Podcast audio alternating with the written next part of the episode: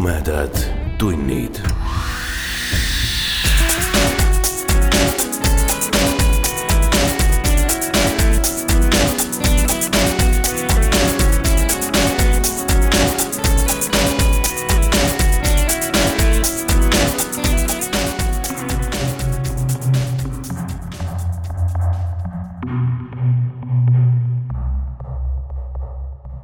tere, hea ulmesõber sa kuuled ulme ja õudusjutu vestmis podcasti Tumedad tunnid kahekümne kuuendat osa.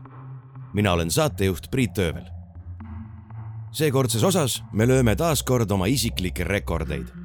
selle loo peale on läbi aegade kulunud kõige rohkem aega, heliefekte ja näitlejaid. ühtlasi on ka meie tänases osas vist kõige rohkem verd ja erinevaid kehaosi, mis loomulikult ei asu selleks ette nähtud kohtades nii et kui teil on selliste asjadega probleeme, siis ise teate. enne kui loo juurde asume, tahan teile tutvustada ka kolme uut häält, keda varem tumedates tundides kuulnud pole.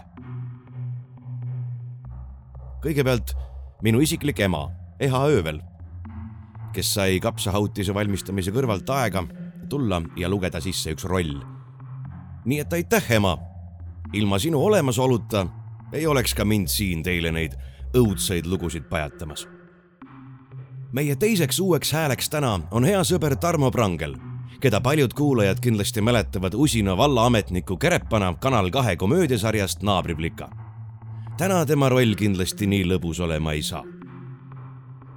ja meie kolmandaks uueks hääleks täna on Tarmo veidi vanem, veidi suurem ja veidi tuntum vend lugematutes rollides teatrilaval, filmides ja seriaalides üles astunud Margus Prangel. praegusel hetkel võib Margust vast kõige tihemini kohata Von Kleeni teatris Tallinnas Nõmmel. kui aega saate, astuge sealt kindlasti läbi ja tutvuge nende mängukavaga aadressil vgt.ee. niisiis, tere tulemast, Eha, Tarmo ja Margus tumedate tundide jubedasse seltskonda. ja nüüd me alustame tänane lugu on ilmunud ulmeajakirjas Reaktor kahe tuhande kaheteistkümnenda aasta jaanuarikuu numbris. mina, Tanel Bergmann, Mart Niinepuu, Tarmo Prangel, Margus Prangel, Eha Öövel, Mattias Öövel ja Maia Öövel loeme teile Jaagup Mahkra õudusloo Verepulm Vaksalis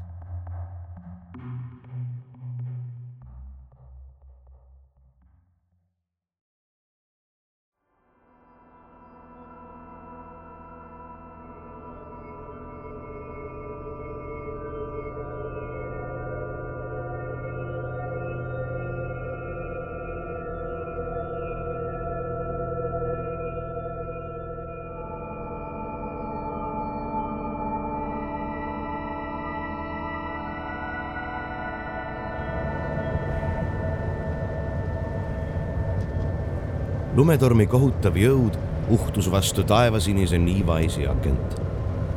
klaasipuhastajate metsiku pekslamise hääle summutas täielikult lakkamatute tuuleiilide müha ning madalatel käikudel töötava automootori müri.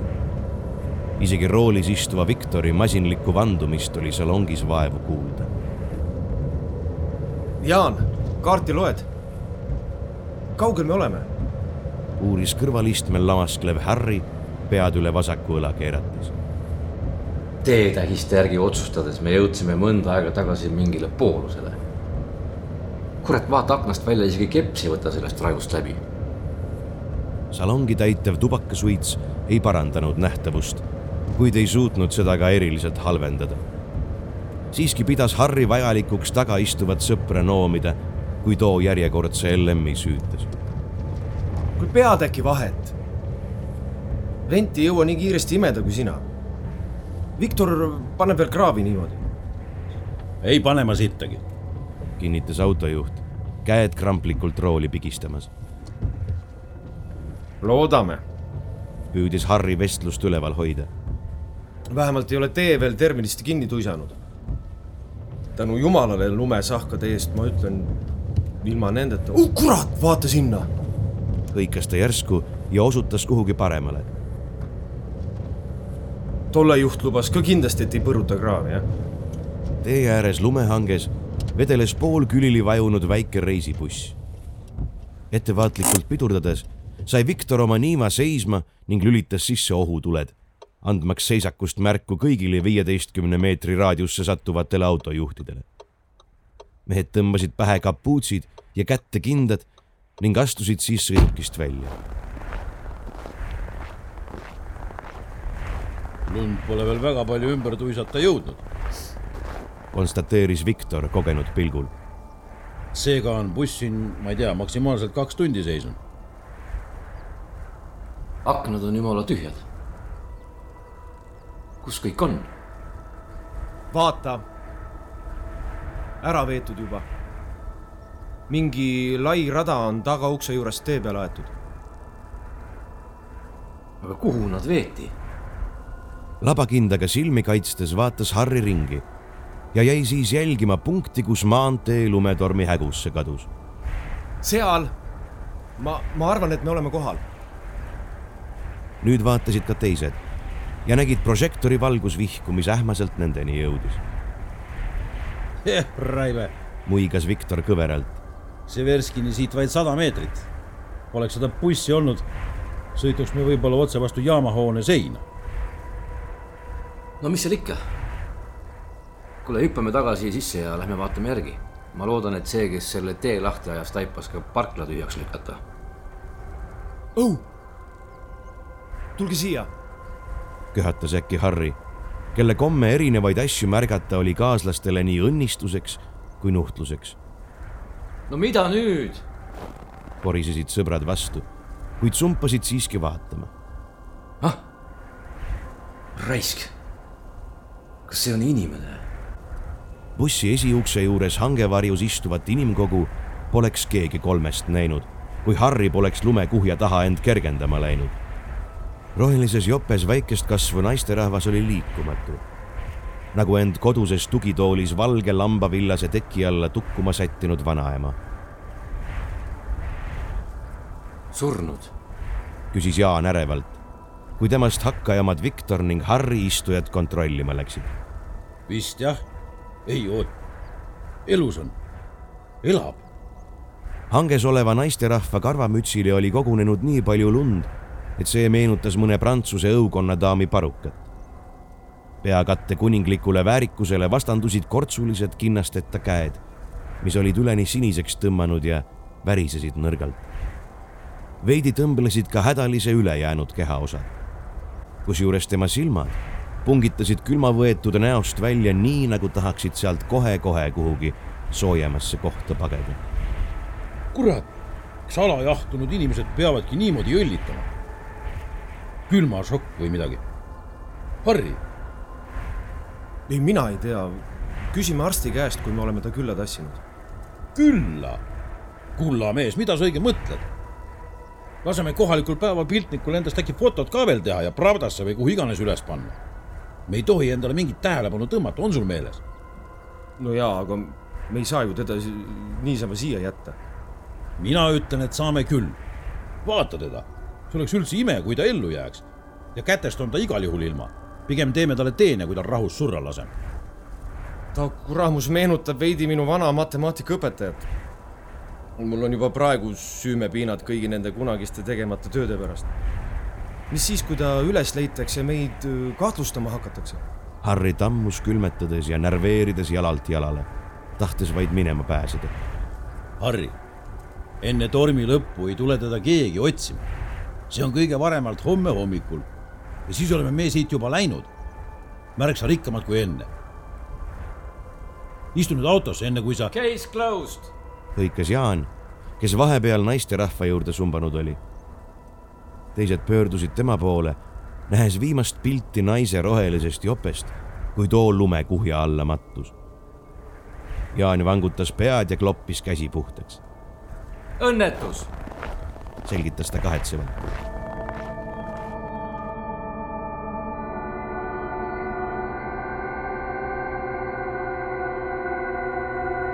mõni minut hiljem seisatas Niiva Severski raudteejaama juures Sahk polnud parkla kallal erilist vaeva näinud.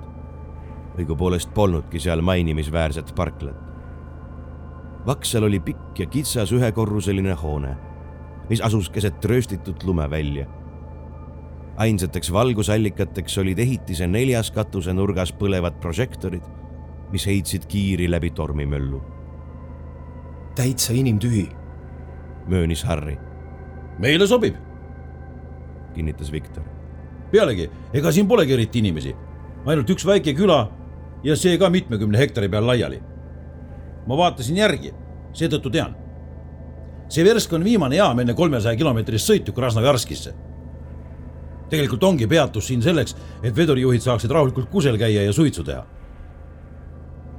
no ja selle koha ning kaugemale jäävate külade vahel pole ka normaalseid autoteid.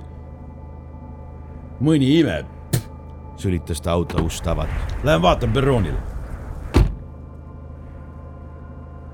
paari minuti pärast oli Viktor tagasi. ilmudes äkitselt viirastusena tuisust ning ronides autosse nagu matsakas lumeinimene huh.. rongist pole küll haisugi. rööpaid pole absoluutselt näha. ma oleks peaaegu perroonilt alla kukkunud. eks siis ootame. ohkas Jaan ja pani käed risti rinnale. Või läheks õige Vaksalisse sisse. miks me siin enda elus hoidmise peale pentsu raiskame? sõbrad kiitsid ettepaneku heaks ning sumpasidki läbi metsiku Siberi talve ulu alla.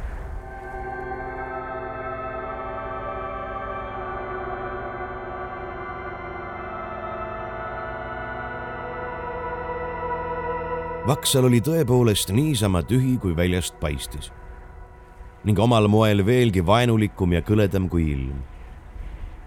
hoone oli Stalini aegne ehitatud valgetest tellistest ning päris tugevalt lagunenud.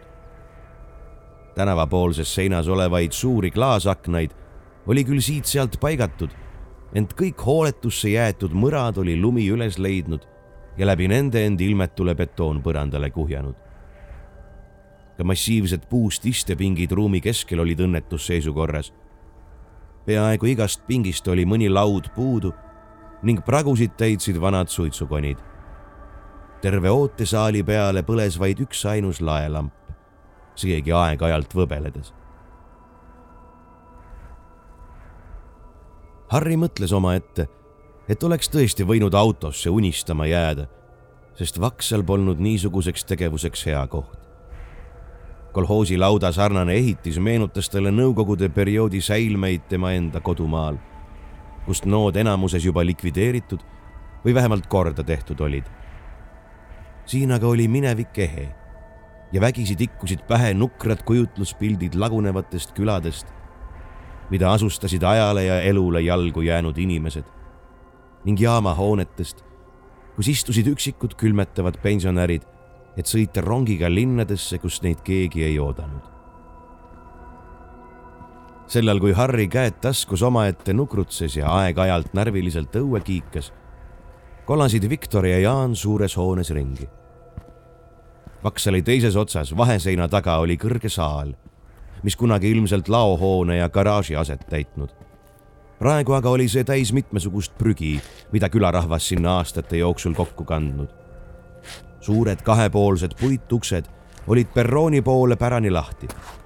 laopoolses otsas oli hoonel ka teine korrus, paari kontori ja elektrikilbiga, mis sugugi ohutu välja ei näinud kui siin ainult väike hajali küla on, nagu sa ütlesid, siis miks siia niisugune hoonekolakas ehitati? mingi kaevandus oli siin nõukaajal. aga praeguseks on too ammu tühjaks tehtud. Rongi aga ei paista. Pole ime.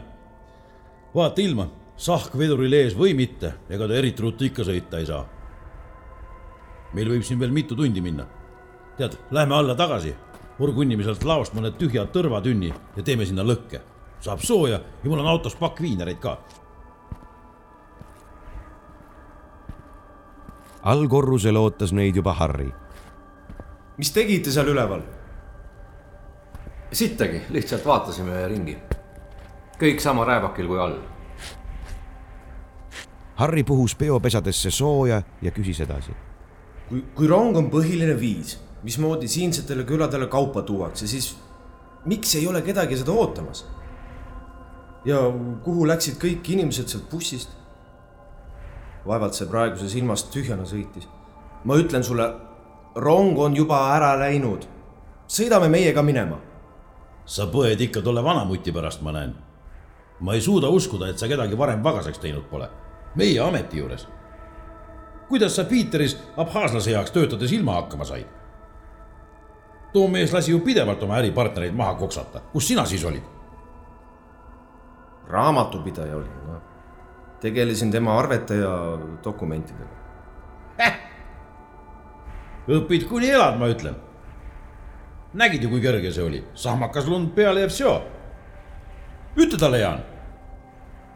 mõtle sellele, Harry, ta oli juba nagunii surnud.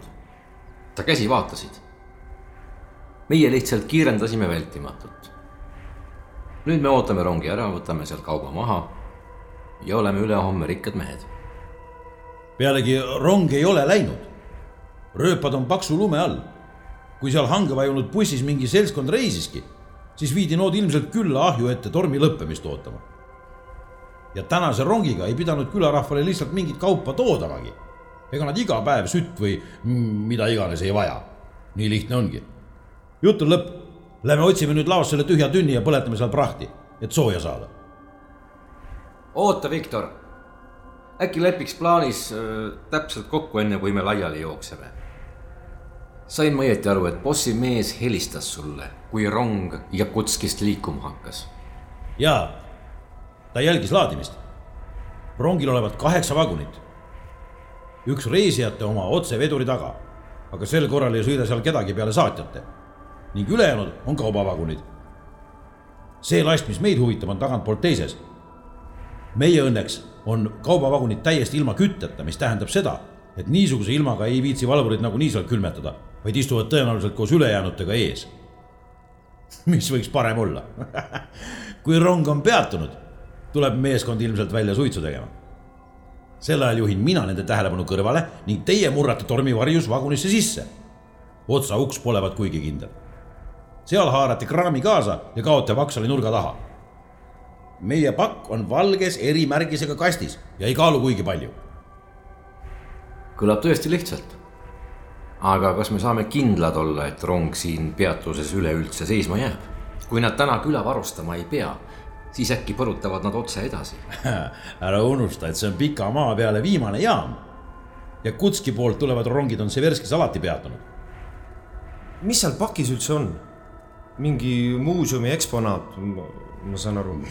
no terve vagun on tegelikult muuseumi eksponaate täis, mis Jakutskist Krasnojarskisse ümber kolitakse.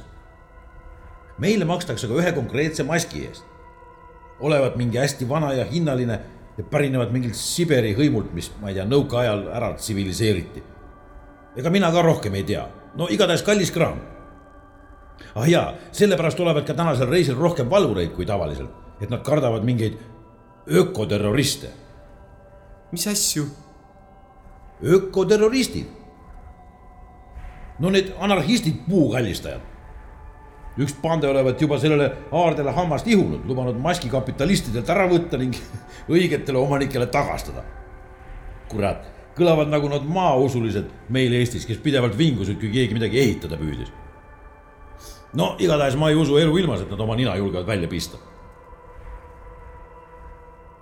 Harry polnud kaaslaste viimaseid lauseid kuulanudki, vaid vaatas ainiti ootesaali akende poole.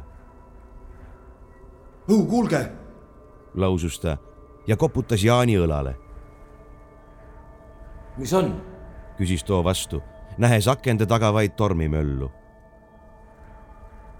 keegi kõndis just väljas mööda, vastas Harry õue silmitsedes. mida? kes see oli? kurat, ma ei näinud täpselt hallis või valges vammuses mees ta oli. ei olnudki rohelises jopes õpetaja või? No kuule, lõpeta ära, ma ei tee nalja, keegi kõndis just akna tagant mööda ja läks hoone tagumise otsa poole. no ja siis, mõni külaelanik küllap jäi viinapoest koju tulemisega õhtul. aga kui ta meid siin näeb? no kui ka näeb, ega see rongi ootamine suurel Venemaal keelatud pole kui probleeme tekitab, siis ostame ta ära. mul pagasis veidi viina varuks. ma lähen otsin seda Vatünni. lausus Jaan vahele pöörates selja ja asudes garaaži viiva ukse juurde kõndima. kui ta siia peaks tulema, kutsume tema ka lõkke äärde ja kuulame, mis mees ta on. kui vaja, koksab räpane harida maha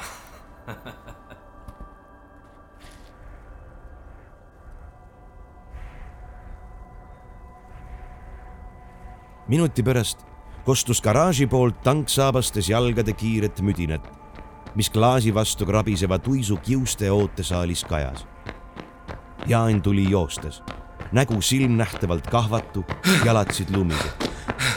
ta peatus, toetus lähima pingi seljatoele ning ahmis õhku. siis aga andis mehe sisikond järele ja väljutas oma sisu istmepruulidele laua. Viktor ja Harri vaatasid sõbra öökimist jahmunult pealt. Jaan pühkis suud, kogus end ja osutas väriseva sõrmega kuhugi tagaukse poole. seal, surnukehad, tükid taga. mida? käratas Viktor ja tõukas Harri eest, et Jaani juurde minna ja tolle kaelusest kinni rabada. võta end kokku ja räägi selgelt, kelle tükid? ma ei tea kähistas sõber talle vastuseks, ebamäärast värvi nire suunurgast alla valgumas. Seal on kellegi jäänused ja veri. mitu jalga ja kätt, väikesed, laste omad. erisugused püksid ja saapad ja kindad, kurat. Jaani vandesõna lämbus tema kurku ning mees pidi taas kahe käega seljatoest haarates öökima. mine vaata ise sõnas ta hädiselt Viktorile. oodake siin, käskis vanim kolmest kaaslasest ja sörkis minema.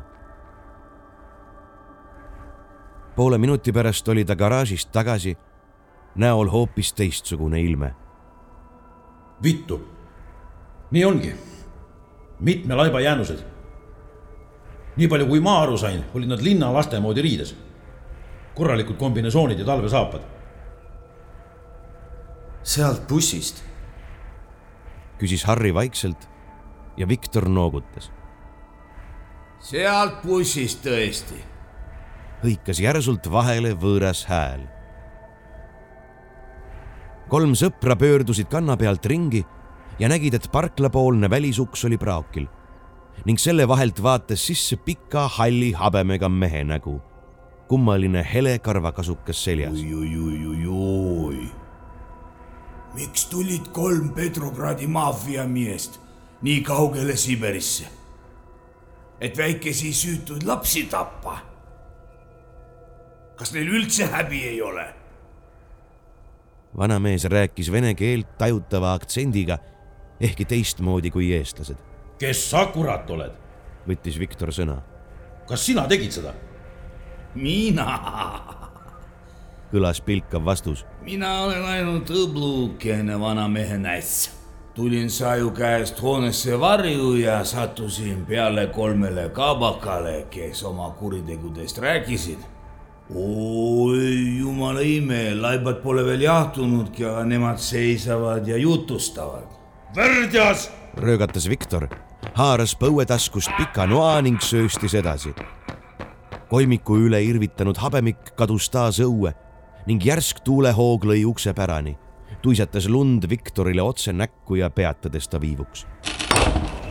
Jaan ja Harri olid paigale tardunud, kuid kiirustasid siis sõbrale järgi. Viktor seisis ukse taga õues, vaadates nuga väljakutsuvalt pihus vasakule ja paremale. jäljed viivad perroonile, lausus ta üle õla lähenevatele kaaslastele. Jaan, jookse läbi hoone ja mine lõika tal tee ära, kiirusta, kurat sina pane auto käima, Harri. Ma lähen põrutan talle järele. Viktor kadus nurga taha ning Jaan tormas ummisjalu tagasi sisse. Harri sumpas platsile, kus seisis Niiva ja vandus autoni jõudes. kapotikaas oli lahti, kääksudes tuulte meelevallas ning sulavast lumest märjas mootoris võis näha kivi, mis jõuga karburaatorisse löödud oli. isegi mehaanika vallas võõrale inimesele nagu Harri oli selge, et see masin ei sõida niipea kuskile. ta virutas kapoti nii kinni, kui luku vahele tunginud tihe lumi lubas ning müttas tagasi vakselisse. ootesaali teises otsas, kus uks garaaži viis, seisis Jaan. Viktor tuli lõõtsutades kusagilt tagaruumist. kadus ümber nurga. mul on Bardatšokis Makarov. jookse Harri juurde ja sõitke autoga ümber hoone mulle vastu, kuuled? vot. Harri, mida kuradit sa siin teed, miks auto juures pole? mootor on ära lõhutud, täitsa puru. raisk, raisk, raisk. tagus Viktor kõmisedes saapaga vastu põrandat. hea küll, ma püüan ta omal jalal kinni. mingi vanamees juba minu eest ära ei jookse. tule kaasa, Jaan, sina, Harri, sina mine tagasi auto juurde ja too sealt relv, selge, mine. Et Viktor oli nende grupi mitteametlik juht, tehtigi nagu kästud koos Jaaniga läksid nad läbi garaažist perroonile viivate pärani uste õue, järgides põgeniku sammudest lumele tekkinud lohkude rada. nurga taha astudes kõndis Viktor pussnoaga ees. Jaan maast leitud torujupiga tema järel. Kita! sisistas vanem mees järsku ning viskus ise lumme. vaata, seal ta on. Osutas ta ettepoole, kus võis tõesti näha liikumas inimkogu kes mingi tumeda kuhila varju kadus ning sealt enam välja ei tulnud. mis see seal on? küsis Jaan hangest. mingi puuriit ilmselt. must present peale tõmmatud. näe, valge kõver puuoks paistab välja. mida ta seal pagan teeb, lõket või? no pole tähtis, lähme, võtame ta tervelt kinni, kui saame. Kaks meest tõusid püsti ja jooksid edasi samal ajal oli Harri jõudnud parkimisplatsil seisva Niiva juurde. kindel aekas oli tõesti Makarovi püstol koos pidemega. Harri pistis esemed taskusse ning otsustas tagasi minna läbi jaamahoone, et ilmaga mitte võideldes jõudu säästa. ootesaal kajas tema jooksusammudest. garaažini jõudes aga nägi ta juba ees Jaani, kes vastu punnivast lumest hoolimata paaniliselt üht suurt õue viivat ukse poolt kinni sikutas ning siis teise kallale asus. vaevalt oli mees aga käepidamist haarata jõudnud, kui see talle ise vastu kargas.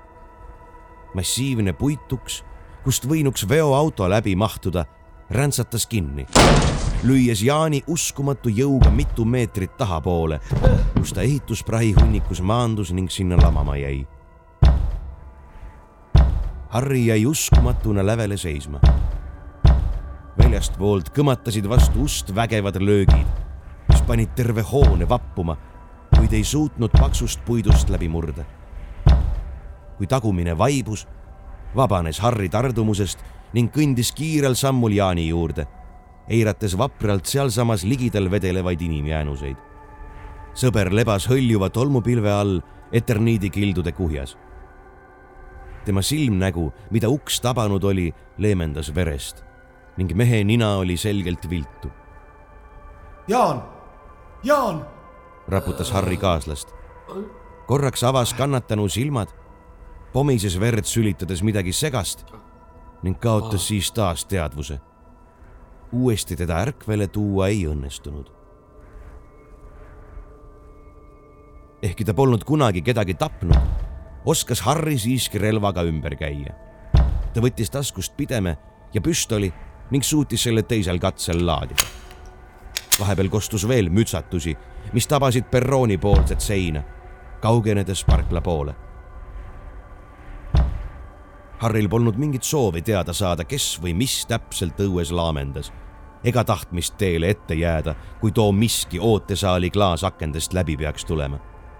ent kusagil pidi olema ka Viktor ja teda ei saanud abita jätta. niisiis jooksis ta Vaksali ülakorrusele olles Jaani eelnevalt mingisuguste mädanenud riidetükkidega katnud. teine korrus oma kahe kitsa kontoriruumiga moodustas vaid midagi tornitaolist Vaksali umbkaudses keskkohas. Harri avas katuseakna ning ronis välja. eterniit tundus jalge all ebakindel ja ega tugev tuulgi asja parandanud.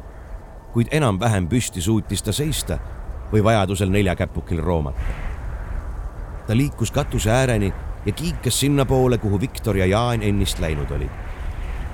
jõudnud hoone nurgani, vaatas ta ringi. all oli kõik pime, kuna tolle suuna prožektor ei põlenud. järsku aga pidi ta võpatama ja peaaegu kukkuma, kuna prožektorisse viiv jäme kaabel, mis üle räästa alla tolknes, silmnähtavalt tõmblema hakkas. Harri taganes, peljates elektrilööki. kaabel värises ja pinguldus, kiikudes vasakule, paremale. südant rindu võttes vinnastas Harri püstoli ja kiikas ettevaatlikult üle katuseserva. seal rippus Viktor klammerdudes kaabli külge ning ronides vaevaliselt ülespoole. anna käsi raisk. Harry, pannud ühe jala prožektori statiivi taha, küünitas ettepoole ja ulataski sõbrale käe, aidates ta üles. Viktor vajus selili ja lõõtsutas, panemata millekski jäist lund, mis tema kurku sadas. kus Jaan on? garaažis, vigastatud, teadvuseta mis juhtus, mis, mis kurat siin liikvel on? Viktor oigas ja raputas pead. siis keeras end ümber ja tõusis põlvedele. Harri vahtis talle tummalt otsa. vaata ise. hoiatas põlvitava kaaslane järsku, osutades käega. algul eristasid Harri silmad vaid niisugust jaburat pilti. Vaksali teise otsa poolt lähenes ennist nähtud habemik kes paistis umbes räästa kõrgusel üles-alla hõljudes üsna tempokalt liginevat, nagu joogi mõnes vanas seiklusfilmis. Siis aga sai ta aru, et tume laik mehe all polnud mitte mõni tuisuhiilide silmapete, vaid tohutu must liikuv kogu, mida saatis isegi üle tormimüra kõlav valimüdin. ja kui pimedusest, mille turjal vanamees ratsutas, eraldus õhku vehklev jätke, oli talle kõik selge. see oli mammut. Ei Viktor ega Harry osanud tol hetkel põgenemisele mõelda. ratsanik peatas nende ees oma looma ja jäi mugavas poosis istudes kahele kurjategijale irvitades otsa vaatama ikka ootate rongi katkestas ta käreda naeruga vaikuse. ei tohi see, mida te varastada tahate, ei kuulu teile. lausutud sõnad läksid kahe mehe kõrvust mööda, sest nood vaid jõllitasid karvast peletist, mille seljal istus itsitav hullumeelne. Harri oli kunagi muuseumi külastanud ja lugenud, et vastupidiselt inimeste arvamusele ei olnud mammutid tegelikult suuremad kui elevandid. see elajas polnud muuseumis nähtavasti käinud loom oli lihtsalt üüratu, üle nelja meetri kõrge, ulatades veoauto garaaži katuse räästani. Üks olevuse kaarduvatest võhkadest pidi samuti oma neli meetrit pikk olema. teine oli juure lähedalt murdunud. kuid mitte mammuti suurus ei pannud kaht meest võdisema ja halvava hirmuga täituma, vaid ilmne tõsiasi, et nende ees ei seisnud elav loom kodust kaugele eksinud eestlaste poole pööratud hiigelpea silmaavast immitses sinakat hiilgust, mille kuma oli jäisem ja vaenulikum kui kogu Siberi kõnnumaa. kumbki mees värises sisimas, sest säärane nõiatuli polnud sobiv ühegi normaalse olendi juurde ses õnnetusmaailmas. selle külmus kõrvetas kahe inimlooma habrastele hingeakendele elutuid närtsinud jäälilli ning üle ilmamaa kajav hüpnootiline šamaani naer kutsus neid jätma maha oma vaevatud lihatompe ja lendlema igavesti tuule iilides koos seal huilgavate kalbete varjudega. mammut tõstis räbaldunud londi ja pasundas. see oli õudne, rögisev heli, mis tuli kusagilt väljasuremissajandite sügavusest ja kaikus nõnda valjult, nagu poleks tol õhtul tuult ega tormi olnudki katusel istuvad mehed taganesid põlvedel, püüdes kaitsta oma nägu tülgastavate mustade klompide saju eest, mis londi seest välja purskus. siis katkes pasundamine ning käsi silme eest võttes nägid Viktor ja Harry kuidas vanamees oma loomale mingit käsku annab. hetk hiljem pööras mammut oma pea uuesti hoone poole ning pühkis ette hoiatamata londiga üle katuse. Esimene hoop paiskas mõlemad eestlased külili. Harril õnnestus end kähku taas püsti ajada ning eemale karata, kuid tema vanem kaaslane ei suutnud jäisel eterniidil kindlat pinda leida ja libises oma ponnistuses hoopis räästa poole, lähemale mädanevale peletisele. madujas lont tuli uuesti, keerdudes ümber Viktori. Harri, kes oli veidi ohutumas kauguses, püüdis võtta välja püstolit, mis tal minut tagasi käes oli olnud, kuid oma taskutest ta seda ei leidnud. alles siis, kui mammut rabeleva Viktori õhku tõstis, nägi ta, et Makarov vedeles otse räästa serva peal prožektori juures. mammut vehkis oma kisendava saagiga. Harri oli paigale tardunud, suutmata otsustada ei põgenemise ega relva suunas sööstmise kasuks. Kui aga lont Viktori kõrgele õhku tõstis ning mehe seejärel kõrge kaarega kuhugi eemale heitis, kus lendav keha tuisuvarju kadus, võttis ta südamerindu ta tegi kolm pikka sammu ettepoole ja küünitas siis Makarovit haarama. ent reetlik libedus jalge all tegi oma töö ning Harri komistas, räntsatades ühele põlvele ning lükates püstoli tahtmatult katuseservalt alla. Mees jäi viivuks tummalt üle räästa relvale järgi vaatama. kuid ei jõudnud korralikult vandudagi, sest juba tuli elajas oma teise ohvri järgi taas ajas Harri end püsti ja kargas eemale, et pääseda kaaslase saatusest. londi haarde ulatusest välja jõudes peatus ta, et tagasi vaadata ja lõõtsutada. mammut, kes enam temani ei küündinud, pasundas pettunult, ent ei andnud alla. Hiigelloom tõusis tagajalgadele, peremees pikkadest karvadest kinni hoides tema seljal tolknemas.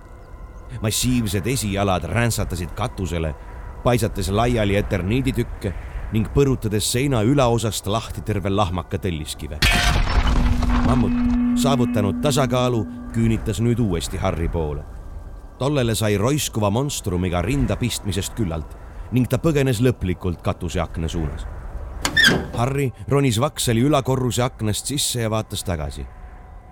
vanamees oli ilmselt käskinud mammutil ronimine lõpetada, sest too taandus katuselt ning kadus vaateväljast Harri sai nüüd uuesti hinge tõmmata, et end koguda ja leppida mõttega, et algul nii lihtsana tundunud rongiröövist oli saanud absurdne võitlus elu eest. ehkki teine korrus tundus hetkel ohutu paigana, ei võinud ta sinna lõpmatuseni jääda, vaid pidi varem või hiljem põgenema. ent kuhu oli tal minna? auto oli rivist väljas, Viktor tõenäoliselt surnud ning Jaan lebas vigastatuna, vajades tema abi. enne trepi juurde minemist vaatas ta veel korraks katuseakendest välja, ent ei näinud ei mammutit ega tema käskijat. siiski sai talle hetk hiljem selgeks, et nood olid endiselt liikvel, kui hoone teises nurgas põlev prožektor järsku kustus ning mingi võimsa jõu mõjul viltu väändus. too vana nõid võis olla hullumeelne, ent kindlasti mitte loll möönis Harri vihaselt. ta jooksis trepist alla. Jaani garaažis ei olnud. prahihunnik, kus kaaslane lamanud oli ning teda katnud presenditükid vedelesid sealsamas. põrandal oli alles ka verine mäsu, mille Harri vahepeal lausa unustanud oli. olles pärast katusel nähtud märksa kõvema südamega kui enne, julges ta nüüd selles suunas vaadata pealiskaudselt loendades sai ta kokku vähemalt kuue-seitsme eri lapse jäänused. käsivarred, põlve kohalt otsast rebitud jalad, torsod ning isegi üks lömastatud pea. punane tutimüts sinna valgunud ajumassist punnis. mammuti töö, see on selge, pomises ta enda ette. kuid kus olid nende laste ülejäänud osad? mammutid olid ometi olnud taimetoidulised, nad ei söönud ju liha. ja lapsi pidi rohkem olema, kui otsustada bussi suuruse järgi. kuhu olid nemad jäänud? Harri vangutas pead ja kattis ilguse riidetükkidega nii hästi, kui suutis. tal oli vaja Jaan üles leida. ootesaali ainus laelamp põles endiselt ning ka õues oli valgust näha paistis, et laamendav londiline polnud nonde prožektoriteni veel jõudnud. ta ei söandanud välja minna, vaid otsustas ruumis sees püsida ning end pinkide vahel varjata, et vanameest või tolle ratsut esimesena märgata. korraks läks ta tagasi garaaži ja otsis sealt endale torujupi, mille otsa ta teravikuks tagus. niisuguse relvaga oli hiigellooma vastu küll üsna naeruväärne minna, kuid nõidu või šamaane pidi see tapma küll Need puukallistajad veel õpivad valel ajal nina välja pistma. ebakindla irvega asus ta omale varitsuspaika valima. Paigale jääda ta aga ei jõudnudki, sest saali teise otsa akendest nägi ta väljas kõndivat inimkogu. see oli Jaan. Harri kõndis Vakseli peaukse juurde ning kiikas välja. paarkümmend meetrit eemal seisiski tema kaaslane põrnitsedes sõidukõlbmatut niivat. Jaan! hõikas Harri vasakule ja paremale kiigates. Jaan, tule siia! Sõber pöördus ja vaatas hüüdja poole. Jaani nägu ja rind olid verised. tema käes oli nuga. Harri, tule sisse kähku! siin ei ole ohutu ebakindlalt taarudes kõndis Jaan ukse poole, nuga ikka käes. kus me oleme? mis minuga juhtus? õnnetus. kuula mind, läheme kähku varju, see, ma, ma, ma sees räägin sulle. ei. raputas Jaan vaevaliselt pead. seal sees õudne vereloik ma ei taha sinna tagasi sisse minna. olid no Viktori tükid. ma ei tea, kus Viktor on. aga, aga me ei tohi praegu õue jääda. sa külmud surnuks. pealegi on siin üks mõrtsukas liik veel, me peame. Harry ei jõudnud lauset lõpetada. sest samal momendil astus Vaksali nurga tagant vaatevälja tohutu must karvane kogu ning tõi kuuldavale sülti ja pasundava heli rong tuleb, pomises Jaan ja keeras end aeglaselt hääleallika suunas. mees oli saadud hoobist veel selgelt uimane ega osanud uskumatu vaatepildi ilmumisele kuidagi reageerida. Niisiis ta vaid seisis ja põrnitses. ukse avas olev Harri röökis veel mitu korda sõbra nime. Jaan! ent too ei kuulnud teda. Peletis lõpetas häälitsemise ning langetas pea. aeglasel sammul hakkas ta kahe mehe poole liikuma. Jaan oli ikka veel paigale tardunud, kui Harri tema käsivarrest haaras, et kaaslast eemale tirida. Too võpatas järsu puudutuse peale ning hakkas noaga vehkima, sundides Harrit lahti laskma. teist võimalust sõbra abistamiseks ei tulnud, sest samal hetkel vonkles läbi õhu must lehkav lont ning keeras end Jaani rindkere ümber. mehe suust kostus lämbuv heli ning tema ribide raksumist oli kuulda isegi ümbritsevas tormis. Harri taganes ootesaali. Algas ebavõrdne võitlus. Jaan, kes rippus abitult koletise haardes, rappis noaga teda hoidvat lonti ehkki ebasurnud lihasse tekkisid sügavad lõikehaavad, kust voolas välja jälki tumedat ollust, ei paistnud mammut sellest väljagi tegevat. ohver tõsteti korraks üles ja virutati vastu maad istukile, kus ta vaevaliselt noatööd jätkas. siis tuli puutüve taoline esijalg, mis surus mehe alakeha vastu maad. ja kui mammut Jaani oma londiga taas ülespoole sikutas ei pidanud tolle reieluud survele vastu ning katkesid jubeda raginaga. sealsamas sai Harri vastuse küsimusele, mis juhtus lastega, kui ta mammutit veel elavat ja rabelevat inimest söömas nägi. rüve loom tõstis pooleks rebitud Jaani üles ning pistis ta pea ees suhu Mammuthus primigeniuse lõugade ehitus polnud loodud lihast ja kontidest toitumiseks. kuid kooljaliku nälja sunnil võttis see jõletis ette just inimihu. Jaani pea läbis looma kohutava suu tervena, kisendades kurgus edasi, kuni sealsed limased eritised tema ninasõõrmetesse ja suhu valgusid ning karjumise võimatuks tegid. Laiad rohttaimede peenestamiseks kohastunud hambad töötlesid aeglaselt oma ohvrit, närides kõigepealt puruks maksa, selle ümber olevad sapipõie ja neerud ning pannes oma survega mehe kõhuõõne lõhkema, vabastades soolikad.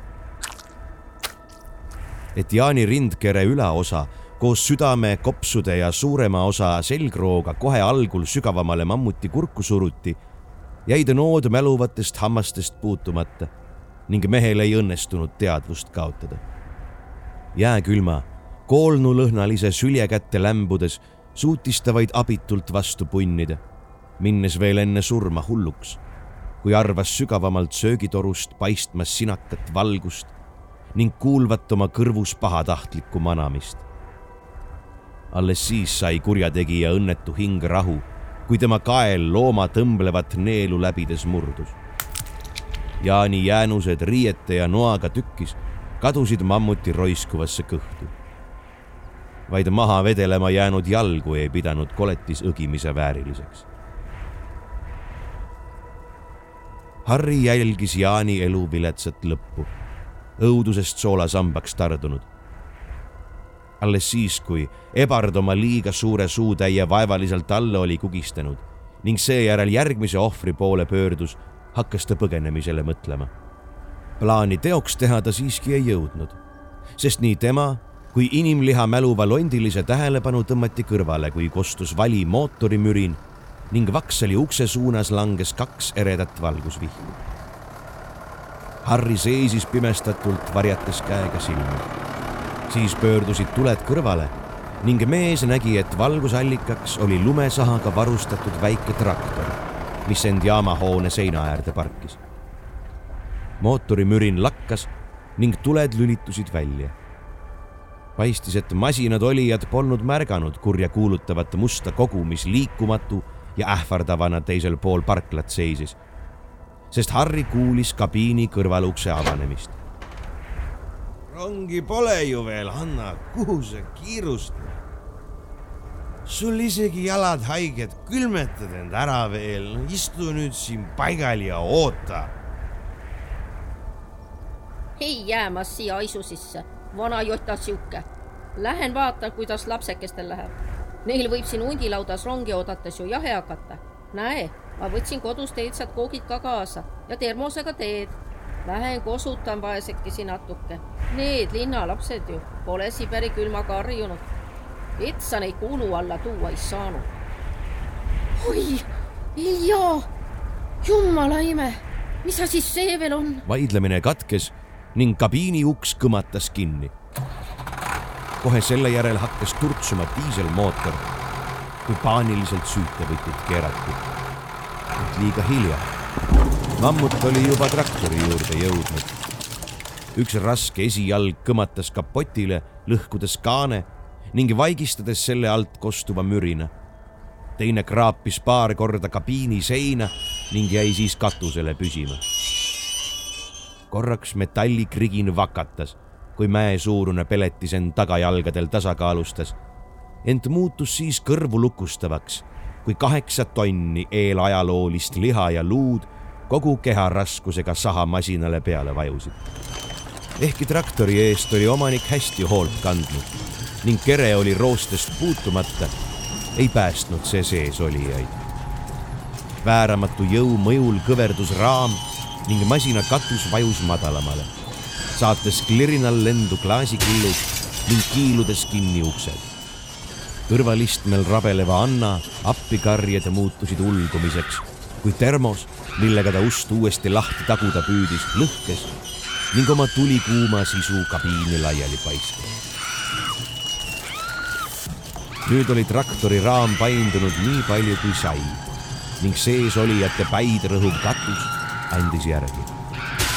laamendava elaja jalg vajus raginal sellest läbi ning puruneva metalli teravsakiline serv tungis püstloodsalt Anna kaela kõrvalt tihusse, lõigates läbi õlaluu, ribi ja kopsu, kuni peatus umbes südame kohal. naise kiljumine lakkas Ilja jälgis seda kõike tummalt, toibudes alles siis, kui esimene lahmakas Anna verd tema näkku pritsis. paaniliselt otsis ta põgenemisvõimalust, kuid seda polnud. temast vasakul oli kinni kiilunud uks, mille taga paistis mammuti karvane kõhualune ja paremal naabriproua võdisev verd purskav korjus ning must töntsakas jalg. mõistes, et ta oli kinni jäänud, pasundas kalmukoll raevust ning asus end vabaks rabelema. Ilja suutis vaevu roolist hoida, kuna sõiduk vappus nagu paat keset marusta merd. võimsa esijala pekslemine tabas traktoristi kui vasarahoopide seeria, lüües tema õla ebaloomulikku asendisse ning mehe enda peaaegu oimetuks. lõpuks suutis elajas jala katusest välja rebida ning taganes lömastatud traktori pealt alla. metallikrigina ja jäleda möirgamise vaibudes lootis Harri hetkeks, et nüüd võtab ehk maad rahu. sealsamas ilmus kabiinist nähtavale sahajuhi ülakeha, jäädes katkisest ukse aknast lõdvalt välja rippuma. Ent ilmutades siiski elumärke. sellele reageeris kohe mammut, sest nälg tolle takuse pundunud perverssuse sisemuses polnud veel kustutatud.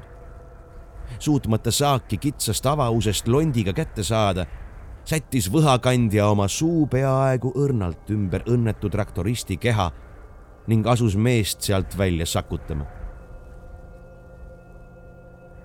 Harri kuulis ähmaselt nõrka valuininat, kui Jaani ihust jäänud narmastega kaunistatud lõuad ohvrit muljusid kuid isegi õgardi hiigeljõud ei suutnud vastu punnivat lihakäntsakat vrakist välja tirida. peagi jättis loom ka selle katse. ning visalt elu külge klammerduv mees sai oma viimased hetked veeta kabiinist välja rippudes ning rammetult teravat aknaraami kombates, mis talle sügavale kõhtu tunginud oli ning mille küljest eraldunud väiksemad klaasikillud juba jäme soolt seestpoolt avastama tõttasid. lõppu ei tulnud kaua oodata. rahutu lont tuli tagasi ning sättinud end pea alaspidi kõlkuva Ilja lõua alla toeks, tõmbas teda siis järsult ülespoole nagu katapult, virutades mehe kuklaga vastu aknaraami. metall pidas hoobile vastu, kuid kolju avanes ebameeldiva krõksatusega nagu kookospähkel, paljastades maailmale oma valk ja väriseva sisu ning jättes kolba ülaosa surija näo ette vaid paari nahariba otsa tilbendama. sellele järgnes ilge pidusööming, mis tapatalgut pealt vaatava Harri põlvili vajuma ja kõõksuma pani. paistis, et kooljas oli otsustanud saagist nii palju matti võtta, kui kätte sai ning pistis oma londi himuralt otse Ilja avatud pealuu sisse. järgnes õudne lurin kui loom viimasedki allapoole nõrguva ajumassi pudemed enda roiskuvatesse kopsudesse imes nagu piimakisselli kallal maiustav laps. aeglaselt ajas Harri end jalule ning pühkis suud. mammut näis kolba tühjendamisega ühele poole saavat, sest lurisemine lõppes ning kulmineerus hoopis aevastusega monstrum tõstis londi absurdsest toidukausist välja ning jätkas oma ilmekaid, hõõguvaid silmi Harri poole pöörates tatistamist. kuni hingamisteedesse kinni jäänud objekt liikuma sai ning londi otsast välja tolknema jäi. see sai olla ainult Ilja seljaaju, mille peletise hiiglaslik imemisjõud kolju kaela avast välja tõmmanud oli. Viimase võimsa aevastusega paiskus roosa vorstjas organ lendu ning tabas latsatades Harri rinnaesist.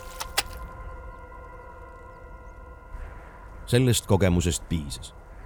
Harri sööstis ootesaali, komistades ja oksendades jooksu pealt uuesti, omamata mingit kindlat sihti.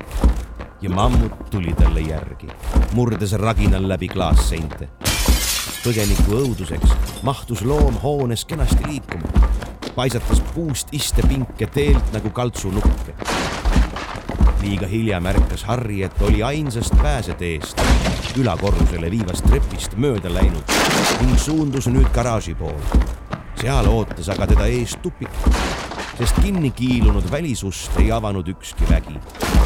mammut tema kannul oli meest peaaegu kinni püüdmas, kuid jäi taharuumi viiva inimeste jaoks mõeldud ukse ava taga toppama ning püüdis seda ümbritsevaid paneele maha lõhkuda.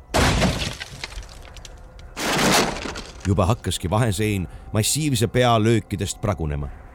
Harri vaatas ruumis ringi. äärmisel juhul suutnuks ta end vaid lühikeseks ajaks prahihunnikute vahele barrikadeerida mingi leidlikkusmomendi ajel heitis ta eelmise relva käest ja asus pikemat toru otsima, millest enesele hädapärane oda meisterdada. sellega ta aga kaugele ei jõudnud, sest ukse ava rammiva paksunahalise ponnistused kandsid vilja. ja nii paneelid kui tükk lage kukkusid krohvitolmu pilves põrandale laiali. ent paaniliselt roostes metallitükkide seas sobrava Harri üllatuseks ei järgnenudki oodatud rünnakut mammut pasundas taas, kuid teistsugusel toonil kui enne. hoolimata heli jubedusest võis selles kuulda teatud kaeblikku nooti. hiigelloom tõmbus ukse avast tagasi ja vehkis peaga vasakule-paremale, murdes oma ainsa võha vastu seina pooleks. teda näis kimbutavat mingisugune hullus Peletis asus mööda Vaksali ootesaali sihitult ringi tormama, lõhkades kõik teele jääva ning pasundades üha raevukamalt. järsult katkes metsik hoog, sest jalad ei paistnud tohutut keret enam kandvat ning must lehkav kogu varises põrandale. kui ringi trampimine lakkas, julges Harri garaažist välja vaadata röögatu karvane asi lebas põlvedel, tuues kuuldavale sügavaid krigisevaid oigeid. tema jõuetult tukslevast londist ja selle all olevast suuavast nirises iga häälitsusega välja tumedat viskoosset ollust. ebasurnud looma näis olevat tabanud mingisugune ihuhäda, sest tema külg tõmbles silmnähtavalt. peletise kehale tekkis äkitselt haav kust purskus mädasegust verd. Haavast turritas välja mingi teravik, mis haava suuremaks kiskus, ujutades põranda üle tülgastavate vedelike ojadega. keegi üritas mammuti kõhust välja murda. krabisedes rebenes pool mumifitseerunud karusnahk kahte lehte, täites maailma roisuleha pahvakuga ning paljastades elaja tohutud siseelundid, mis tekkinud avausest välja kiirustasid. soolikate laviini seest paistis ka midagi muud. nuga hoidev käsi, mis oli hiiglase lõhki lõiganud. nuga kuulus Jaanile, ent käsi polnud tema oma. kusagilt Siberi igikeltsa sügavustest äratatud mammut oli tõepoolest laste kadumise põhjuseks, kelle kurb mäng bussiõnnetusega alanud oli. sellega see Harri õuduseks paraku ei lõppenud. ehkki talle tundus, et kuuleb kusagilt tormimüha seest ebamääraseid manamishääli ja maniakaalset naeru, ei suutnud see tema ees toimuvalt loomuvastaselt ilguselt tähelepanu kõrvale tõmmata peletise välja lastud sisikonna kuhjast ronis välja laps või miski, mis oli kord olnud laps. sest nekromantilised protsessid mammuti seedetraktis olid lõpuks teinud oma töö. ebapühade kunstide tulemusel või hoopis kõrvalmõjul oli ammu surnud looma magu veel kuidagi toiminud ning jätnud oma jälje jõledal kombel koolnud poisi kehale ja rõivastele samuti lõõmasid lapse näos noodsamad sinised nõiatuled, mis tühjaks jooksnud mammuti silmadest aegamisi kadumas olid. nuga hoidvale poisile järgnesid teisedki. osad palja käsi või hoopis ilma käteta, osad relvastatud otsast murtud inimjäsemetega, millest välja tolknevaid luukilde nad Harri silme all teravamaks närisid. ühtekokku oli tillukesi koolijaid vast kümmekond lisaks neile võis soolika kuhjas näha ka garaažis vedelenud korjuste kadunud osi ning riidetükke, mis olid olnud Jaani seljas ja mille seest paistsid veel mehe jäänused. Harry pigistas peos pikka roostetavat raudtoru, mille ta leidnud oli. kui esimesed libasurnud näljaselt hõõguvate silmade ja õõnsa urinaga, milleks lapse kõri võimeline olla ei saanud, teda ründama sööstsid, viibutas ta relva laias kaares ning paiskas jõletised eemale. järgmised tungisid peale, ent raske hoop vastu nende kolpasid lõi nemadki tagasi. kuid need, kes olid pikali, tõusid taas püsti masinliku järjekindluse ning ebamaise raevuga, et uuesti ja uuesti rünnata. Harri relv oli lömmis ning olemine kiskus kibedaks. tuli põgeneda ajanud zombide karja järjekordse löögikaarega laiali, sööstis ta trepist üles, taibates oma viga liiga hilja. sinna, kuhu poleks pääsenud nüüdseks liikumatult lebav hiigelkorjus, võisid lapskoolijad kergesti järele tulla. enam polnud valikut. Harri jooksis ülakorrusele ja sulges enda järel kontori ukse. seejärel tõukas selle ette kirjutuslaua, lõõtsutades toetuste lauale, et hetkekski puhata trepilt võis kuulda paljude kergete talvesaabastes jalgade tehtud helisid. sammud mammuti seedemahladest endiselt lirtsumas. juba tabasid pehkinud puitust löögid ning Harri teadis, et barrikaade nende nilbete hauaolevuste raevu ees kaua vastu ei pea. Harri vinnas oma väsinud jalad üle aknalaua vaksali katusele. tuul polnud põrmugi vaibunud ning eterniit oli jäine. ettevaatlikult komberdas ta edasi katusenurga poole, kus tolknes kaabel, mida mööda Viktor ennist üles roninud oli. poolel teel vaatas ta selja taha ja nägi lapszombisid, kes tal taas kannul olid. Nood ei pannud katusel libedust millekski, vaid jooksid talle kartmatult järgi, ehkki üks või kaks pinna peagi jalge alt kaotasid ning teistest maha jäi. Polnud aega kaablit otsida ja ronida paari sammuga oli Harri katkise katuseserva juures, kuhu mammut ennist jalgu oli toetanud. esmalt heitis ta alla oma raudtoru, mis lumehange ohtlikult püsti turritama jäi ning asus seejärel ise maandumispaika otsima. hetke seisis ta, käsi nägu tuisu eest kaitsmas, silmitsedes kõheldes teda ootavat nelja meetri kõrgust kukkumist. kuid liginevaid kriiskeid kuuldes võttis ta südame rindu ja hüppas põrutus polnudki nõnda tugev, kui ta oodanud oli. lumi oli sügav ja pehme. vaevalt oli ta jõudnud end püsti ajada, kui hoone katuselt järgnes talle esimene koolja. tolle mattis ta jalahoobiga enda kõrvale hange ning haaras siis toru järele. kätte ta relva aga ei saanudki, sest samas hüppas räästa otsast alla teine jõletis, maandudes kõhuga püstloodse teraviku otsa viltuse lõikepinnaga toru toimis tõepoolest nagu oda ning omaenda raskusega vajutas zombi selle enese kehasse. pool meetrit metalli, mis nüüd tüdrukukese seljast välja ulatus, auras verest ja sinna kinnitunud maksatükkidest. Harry, kes kord Peterburi maffia heaks töötades oli kaks päeva järgemööda oksendanud, kui nägi rivaalitseva jõugu ninamehe laste mõrvamist oli tänase päeva sündmuste mõjul niivõrd kalgistunud, et ei heitnud jubedale vaatele teist pilkugi, vaid kiirustas minema. kõigepealt sumas ta sinnapoole, kuhu mammut oli tema mäletamist mööda Viktori heitnud. seal ei olnud ei kaaslast ega tolle verd.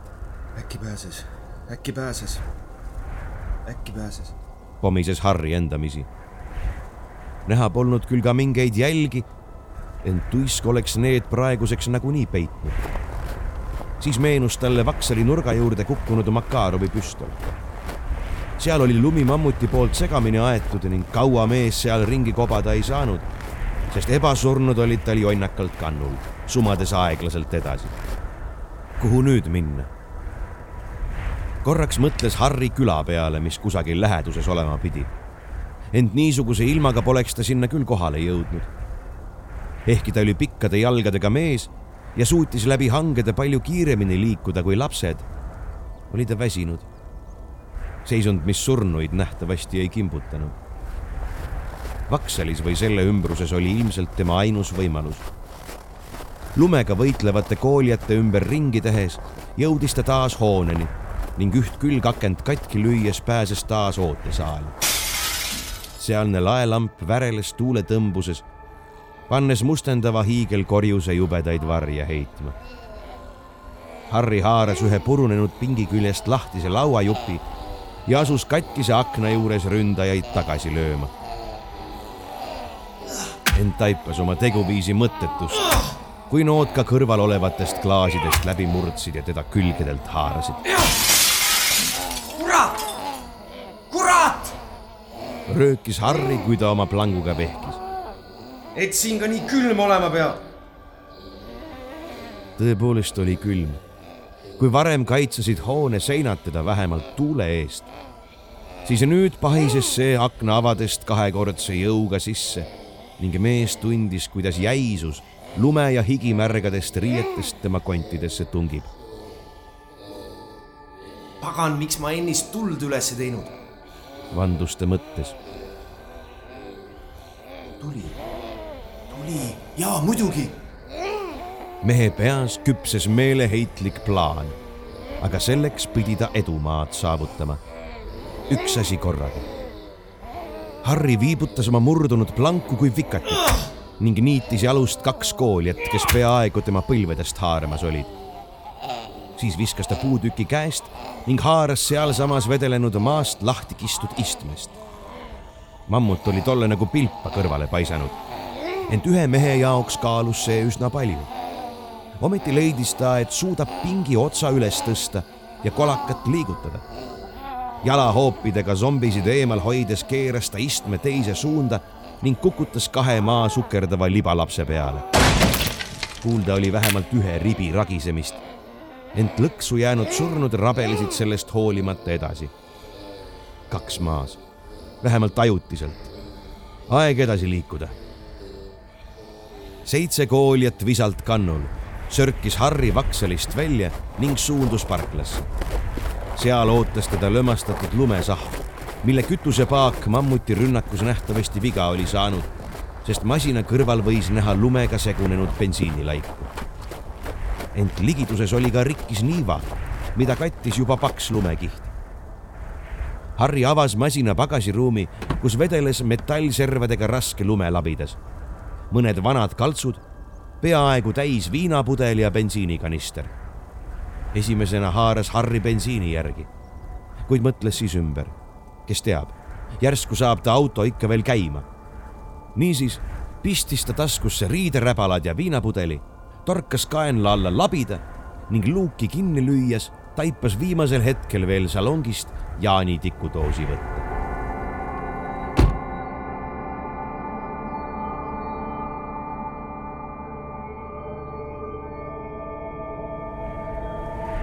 ebasurnutel puudus igasugune ühtekuuluvustunne. lumme kinni jäänud kaaslased jäid maha ning kergejalgsemad järgnesid saagile, võikad relvad käes ning hambad irevil. Neist poolsada meetrit eespool sumpas Harri, toetudes hangesid läbides oma toekale labidale. siiski polnud mõned tunnid varem puhtaks aetud maantee jõudnud veel täiesti täis tuisata ning minek läks veidi ladusamalt. selja taha vaadates pidi põgenik meelehärmiga möönma, et kalmulised võitsid õhemast lumekihist enamgi kui tema. ent sihtmärk polnud kaugel. juba paistis valge loori tagant reisibuss, mis poolkülili kraavis istus. Kindaga bussi külgi puhtaks pühkides suutis Harri umbes minutiga leida bensiinipaagi avause ning läks vaja nelja lööki labida käepidemega, et kinni kiilunud kork lahti saada. seejärel nööpis mees vilunud liigutusega vägijoogipudeli lahti, võttis anumast kiire mehise sõõmu ning piserdas osa kallist vedelikust ka niivaklaaside puhastamiseks mõeldud riidelappidele. ent näljased surnud olid vahepeal temani jõudnud. Ühele äsas Harri jalaga, kuid teine suskas meest Jaani käelabast välja turritava luukilluga reide. ehkki paksud tunked hoidsid suurema häda ära, tundis ohver siiski valusat torget ja haaras ulgudes labida, et sellega koolijale vastu lüüa. terav metalliserv rebis ära lapse nina koos tubli tüki nahaga. pakkudes õõvastavat vaatepilti umbes kümneaastasest kohutava näohaavaga poisist, kes mingi bioloogilisest elust jäänud refleksi ajal lumme käpuli viskub ning pooleldi nuttes, pooleldi urisedes punase plekilise lume seest midagi otsib. Harril polnud mahti oma teo pärast süümepiinu tunda. nähes ülejäänud libardikarja liginemas, hüppas ta bussi eesukse juurde, kus oli vaid veidi aega tagasi istunud kõngev vanainimene. toda kattev hang oli vahepeal jõudsalt kasvanud, ent ust polnud see täielikult veel kinni matnud ning labidat kangina kasutades sai Harri praoki lavast sisse. bussi sisemus oli hämar ja paksude aknaklaaside tõttu ka pelutavalt vaikne, ent mõne tunni tagusest sõidust veel soe. kuigi sõidukis oli vaid paarkümmend istet, oli vahekäigus vedelevate ranitsate otsa komistav Harri vaevalt poole bussi peale jõudnud, kui sissekäigutrepi peal tümpsusid esimesed talvesaapad ning kahest koolnus ilmast kiirguv tõbine valgus bussi sisemuse kumama pani. ühele silmapaarile järgnes teine, siis kolmas, kõik surnu manamise poolt antava vääramatu sihikindlusega edasi astumas. Harri püüdis pinke põranda küljest lahti rebida. keevitused olid endiselt tugevad.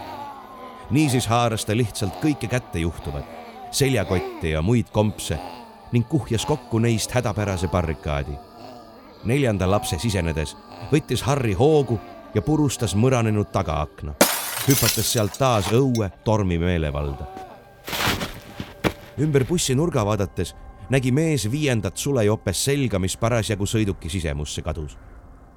labidas otsustavalt püsti nagu muistse sõjamehe kirves, sööstis ta uuesti bussi esiotsa juurde ja asus hange kallale, kühveldades ukse ette lund Jaan, sa värdjas! röögatas ta, kui sai järjekordse labidatäiega kaasa ka külmunud inimkõrva ja mõned juuksesalgud. Harri sülitas vihast ja toetas tööriista maha, kuid ülesanne oli täidetud. lumetõke oli juba piisavalt paks ja kõrge ning viiel zombil polnud lootust sealtkaudu välja pääseda. praegugi võis näha neid teisel pool müüri nõutult laamendamas Harri lõi labida nurgaga bensiinipaagi korgi ümbrusse mitu tugevat hoopi. ühest tekkinud täkkest hakkas nirisema kütust. järelikult oli koht õige. ta teadis, et põlemiseks on tarvis õhu juurdepääsu. nagu ka seda, et bensiin tikust või muust väikesest leegist niisama lihtsalt ei plahvata. Viinaga üle valatud lõõmavast lapist pidi ometi piisama. Harri lõi paaki veel mõned augud seejärel tõmbas tikku. riie võttis tuld. hinganud paar korda sügavalt, toppis ta kätt kõrvetades lapi torust sisse ning sööstis siis ummisjalu teises suunas. kaugele ta ei jõudnud. hangede vahel jooksis ta sülle kahele kooljale, kes salgast maha olid jäänud ning kelle ta üldse unustanud oli. Need olid väikesed tüdrukud, kuid tugevamad, kui nad ühegi õiguse kohaselt olla tohtinuks üks, kelle ta komistades enda alla mattis ning teine, kes rabeleva mehe jalga otsast tirida üritas, tuuseldasid teda päris korralikult. sel ajal, kui alumine zombi tema jope rinnaesist näris, peksis Harri teda küünarnukiga lagi pähe, toetudes teisele käele. valusalt veendus ta selles, et pealuu, isegi lapse oma, on tugevam kui käsi ponnistusega tõukas ta end maast lahti, pääses põlvili ning kostitas oma all lamavat tütarlast raske rusikahoobiga, mis loomalikke hääli kuuldavale toova lõualuu viltu lõi ning urina verest mulksuva soigumisega asendas. saapa küljes rippuv plikatirts ei lasknud Harril tõusta, kuid mees sai parasiidi nisukarva juustest kinni ning tõmbas ta nii enda ette võitluse raevust haaratuna ja patsi endiselt pihus hoides, kujundas ta ka selle noore libasurnu ilme oma rusikaga ümber. kuni silmnäost oli saanud vere ja tatisegune mask, mida isegi ema poleks ära tundnud. peksu lõpetanud, tõusis Harri taarudes püsti, haaras hangest lumelabida ning lõi asendamatu tööriista otse ühe kooljatari rinnakorvi, poolitades selgroo timuka osavusega allapoole jäänud osa lapse kehast jäi vagusi, väljutades liitrite kaupa verd ning ula peale minevaid väiksemaid siseelundeid. ent ülemine pool jätkas abitult kätega vehkimist nagu katkiste tiibadega liblikas. veidi asjatundlikumalt raius ta maha teise plika pea, mis eemale lennates veel õhuski purunenud lõua vahelt röginaid kuuldavale tuues pika vereraja maha jättis. ühe hange tippu maandus ning sealt tuuleiili mõjul punakat lumepalli moodustades minema veeres. Harri toetus labidale ja lõõtsutas. sellal, kui pooleks raiutud jõletise siplemine rauges, kaks kurja sinist tulukest keset veremaski tuhmusid ning surm enesele kuuluva tagasi võttis. ah jaa, plahvatus, mida kuradit ta ootas selle mõtte peale sundis mees end edasi jooksma ning kangelasliku hüppega ühe suurema hange taha varjuma. kätega pead kattes jäi ta pauku ootama. kümme sekundit hiljem julges ta välja piiluda. bussi bensiinipaak tossas ja Harri tõmbas pea kähku alla tagasi. ta ootas järgmised kümme sekundit, siis vaatas uuesti. paagist kerkis endiselt suitsu ja tagaaknast potsatas lumele zombi. kui oli möödunud veel sama palju aega ning kütus aeglase põlemisega endiselt rahul paistis olema, hüppas ta meeleheitlikult püsti ning sumas oma viimaste jõuvarude arvelt tagasi Vaksali poole, kooljad hanereas kannul. Niiva juures jäi Harri seisma. enam ei jõudnud ta kuhugi joosta. ebasurnud oli ta ka väsimatud sammudes viiekesi tema poole nagu Jaapani lapsrobotid. lumelabidas libises mehel käest. sellega vehkijat temast enam polnud. ta avas salongi ukse ja toetas tagumiku istmele, siis püüdis mõtteid koondada. minuti kahe pärast jõuavad elajad temani ja tõenäoliselt suudavad ta ka maha murda. miks kurat polnud buss plahvatanud? mida ta keemiast teadis? Kui külm oli. ta võttis taskust viinapudeli ja lasi tubli lonksu kõrist alla. kange jook pani ta köhima, ent tõi hetkeks ellu tagasi. Harri jäi pudelit silmitsema, katsus taskut, seal oli veel üks tükk õlist riiet. kurat, kui Molotovi kokteilide tegemist oli ta ükskord filmis näinud.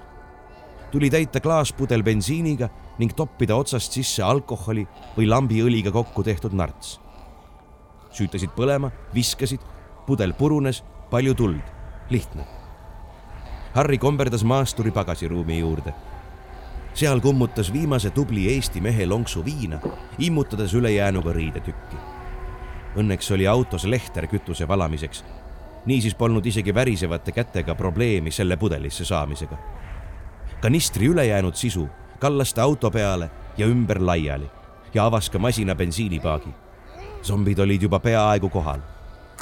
Harri süütas nartsu, siis liipas labidale toetudes minema.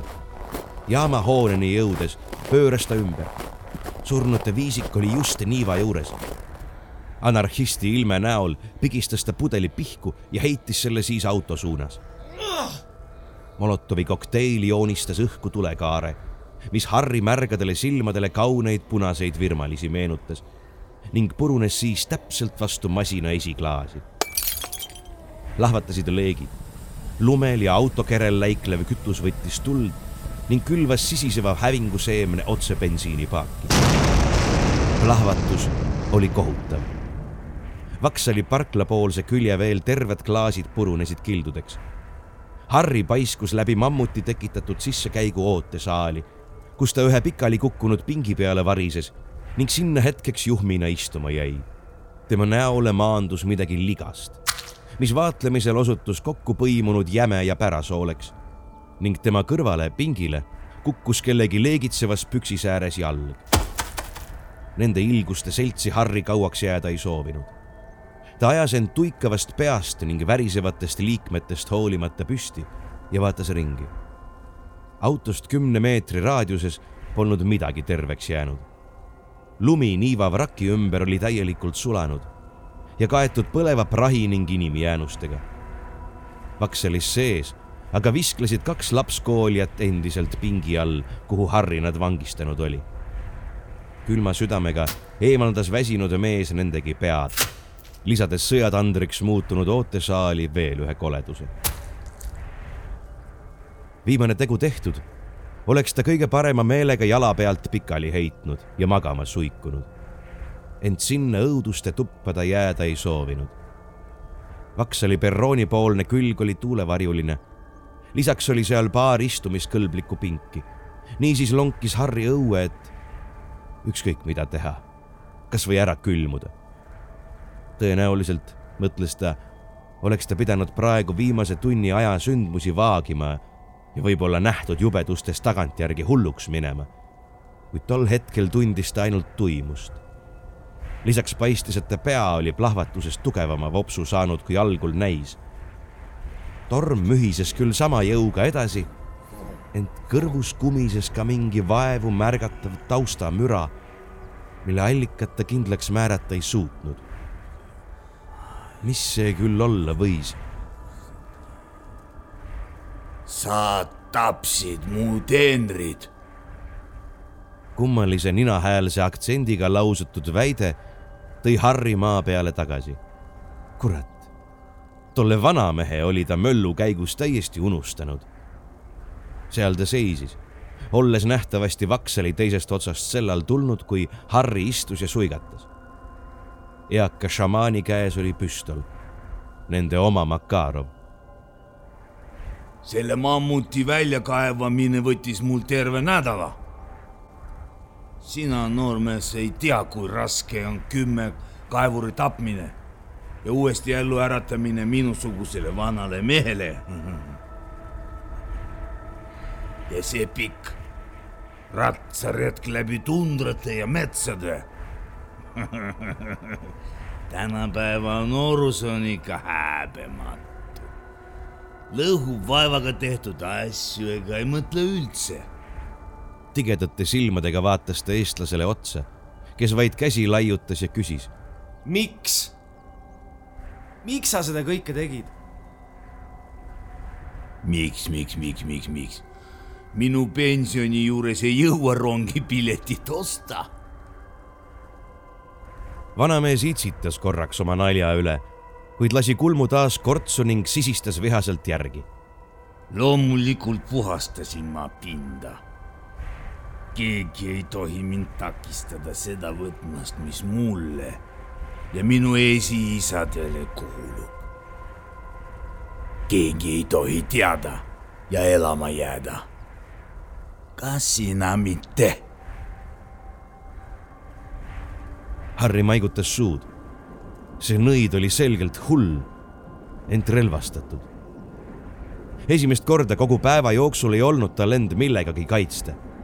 kooljate eest võis ta ära joosta, ent kuuli eest mitte kuidagi. või siiski? muigas ta vanamehe selja taha vaadates, kust paistis ootamatu pääsemine. kuuled, rong tuleb, poiss sa saad mind veel aidata ja oma teo heastada. ma lasen su nüüd maha.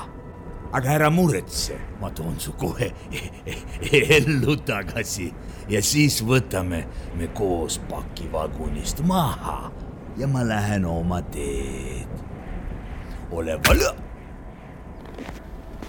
raudkang lajatas vastu šamaani pead, kes löögist silmapilkselt kokku vajus. Viktor tonksas lebavat keha saapaninaga, siis andis igaks juhuks veel ühe hoobi vastu vanamehe pikki halle juukseid, mille vahel võis juba näha laienevat punast laiku. Harri raisk, sõnas Viktor. ma vaatasin ja imestasin. sul on võitleja hing, seda on näha. ja ma olen ometi Afganist käinud ja igasuguseid mehi kohanud. ma oleks sulle appi tulnud, aga kui too kuramuse londiste mind eemale viskas, tegin ma jalale liiga ja ei saanud suurt muud teha, kui ennast selle hullukese eest peita. tema noorem kaaslane ei hoolinud kiidusõnadest, vaid lausus. Läheme minema, Viktor. jätame selle asja ja kaome. kui, kui rong seisma jääb, anname ennast kasvõi üles ja räägime kõik ära, aga ma, ma ei, ma, ma ei taha siin surnuks külmuda. Viktor silmitses sõpra mõtlikult ja viskas raudtoru käest ta astus lühikese sammu edasi kummardus ning võttis lumest püstoli, mille šamaan sinna pillanud oli. kogenud liigutusega kontrollis ta magasini, siis vinnastas relva uuesti. ei, Harri, sa ei pea surnuks külmuma. mul on sinuga teine plaan. kui see jama siin ilmsiks tuleb, siis on võimudel süüdlast vaja. ma ei tea, mida nad tolle elaja korjusest mõelda võivad, kuid lastetapjaks sobid sa päris hästi. mõrtsukaks, kes pärast oma musti tegusid sõgedushoos iseennast tappis ja keda seetõttu küsitleda ei saa. ole nüüd hea ja püsi paigal, et ma su ajud välja lasta saaksin. usu, see on sulle parem lõpp kui kõik ülejäänud võimalikud. Harry taganes, Viktor teda sihikul hoidmas. sa ei jõua nurga taha pageda, ära mitte üritagi. üks samm ja pind kadus noorema mehe jalge alt, kui ta õnnetult perroonilt alla astus ehkki rööpaid kattis paks lumi, suutis Harry jala välja väänata. raisk ah!! roni üles tagasi, muidu ma lasen sulle kuuli hoopis kõhtu. neetud mul ei ole vaja, et sa rongi alla jääksid. näe, sealt see tulebki, kähku nüüd. tõepoolest oli tormis juba näha liginevat valgusvihku ning rataste mürin oli päris valjuks muutunud. põletavast valust hambaid kiristades ajas Harry end püsti tubli, tule nüüd siia. poole lause pealt tabas Viktori relvakäe õlga telliskivi, mis jaamahoone seinast välja väris. kõrvu lukustava kolinaga järgnes sellele ülejäänud müürilõik, mille kividest osad meeleheitlikult eemale liipuvat meest selja ja jalgade pihta tabasid ning ta pikali kukutasid. Viktor langes perrooni servale kõhuli jäädes silmadega otse Harri näo kõrgusele. ning üle tellise kuhja roomas tohutu must karvane mass, eritades niisugust surmalehka, mille pilves isegi läheneva veduri laterna valgus rüvedana paistis. ilmutise näost turritas kaks pruunikas valget murdunud kihva, mäda ja ajupiisku pritsiv süsimust lont ning verd täis valgunud silmad, milles ikka veel säras tuhmsinine nõiatuli. Peletis oli tulnud oma isanda appi kutse peale, ent hiljaks jäänud. teda igikeltsast äratanud loitsuprogramm käskis tal mana ja langemise korral kättemaksuks kõik ümbritsev tappa ja hävitada ning seda ürgolendi vaevatud keha nüüd teha üritas. esijalgadega vinnates liikus see edasi jõuetud tagajalad ning lõhkise kõhu narmendavad servad järel lohisemas. hauamammuti jalad kõmatasid lamavast Viktorist vasakul ja paremal vastu betooni ning siis vajus vana kurjategija selja peale nende siseorganite mass, mis loomale veel jäänud oli. mädaneva epiteelkoe sültjas mulksuv tonniraskune kuhi lömastas mehe jalad ja vaagnaluu pannes Harrile otse näkku jõllitavad õudusest pärani silmad piinast pahupidi pöörduma, sellal kui surija kurgust väljus kime kiunatus. kaua polnud Viktorile aga vaevelda antud. mammut tõstis pea ja pasundas kalmusügavikest kajavat iidset raevuhüüdu ning mässis roiskuva londi siis mehe keha ümber. kui elajas jõuliselt ülespoole sikutades Roimari ülakeha purunenud vaagnaluu juures alakehast eraldas, sai ühevärviline tormiilm hetkeks kaunistatud eri toonides soolikate sajuga, mis suures kaares konfettidena üle hangede langesid. suure hooga vastu Harri nägu latsatav pärasool, paksust väljaheitemassist raske, tõukas mehe selili rööbastele, kus tema näkku sadas issanda lund ja Viktori verd. Edasi loivava mammuti tõttu ajas ta end kohe taas püsti, jõudes näha veel endise sõbra ülakeha, mis taamal Vaksali katusele maandus ning tee peal midagi oma sisemusest maha poetas, mis võis olla pankreas. samuti oli ta valmis vanduma, et õhus mehe käed veel vehkisid, nagu üritaks inimkõnt lennata. kuid polnud aega jälki pilti imetleda. mädase hukatuse eest pagev Harri lonkas minema pääsedes napilt londist, mis teda kinni püüda üritas. vali rongivile pani tema kõrvad undama ning põgus pilk vasakule kinnitas, et läbi tuisu kumava laterna all on juba näha veduri piirjooni. rööbastelt tuli kaduda. Harri liipas läbi kõrgete hangede edasi, roomav õõnes jubedus kannu. lumi, mida mammut oma rajal puudutas, sulas hetkega mustaks rüvedaks veeks, ehkki looma keha oli külm nagu surm. Põgenev eestlane niimoodi teed puhastada ei saanud. seetõttu pidi ta hambad risti suruma ja saavutama piisava edumaa, et jõuaks oma vigase jalaga ohutult perroonile ronida.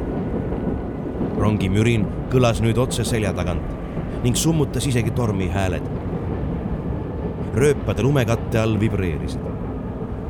Harri lõi ettevaatusele käega ega vaevunud peadki pöörama, vaid tõukas end terve jalaga maast lahti, turnis hetke perrooni serval, leidis käega kobades tsemendi seest prao ning vinnas end üles kindlat pinda külje all tundes, veeretas ta end rööbastest veidi kaugemale ning jäi siis raskelt hingates kinni silmi lebama. haiget jalga, mis vahepeal tuimaks muutunud oli, läbis järsk valusööst.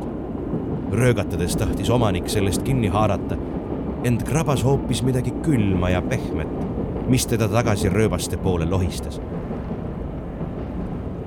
Olin liiga aeglane mõtles ta pigem pettumuse kui õudusega. ja just siis, kui Harri oma saatusega leppimas oli, kõlas pidurikrigin, välgatas ere laternavalgus ning londi lahti rebimise järsk nõksatus süstis tema vigastatud jalga niisugust teravat piina, et mees karjumise asemel vaid õhku suutis ahmida. lont kadus ja pead kergitades nägi Harri, kuidas võimsa veduri sahk mammutit kurbistava lörtsatusega rammib mäda lasu heideti rongi teelt nagu kaltsunupp. tõenäoliselt polnud kokkupõrke järel looma sisemuses enam ühtegi tervet konti, mõtles Harry, sest eemale lendava korjuse kuju oli lapik ja deformeerunud. mitmekümne meetri kaugusel tabas kolli laip jämedat kuusepuud.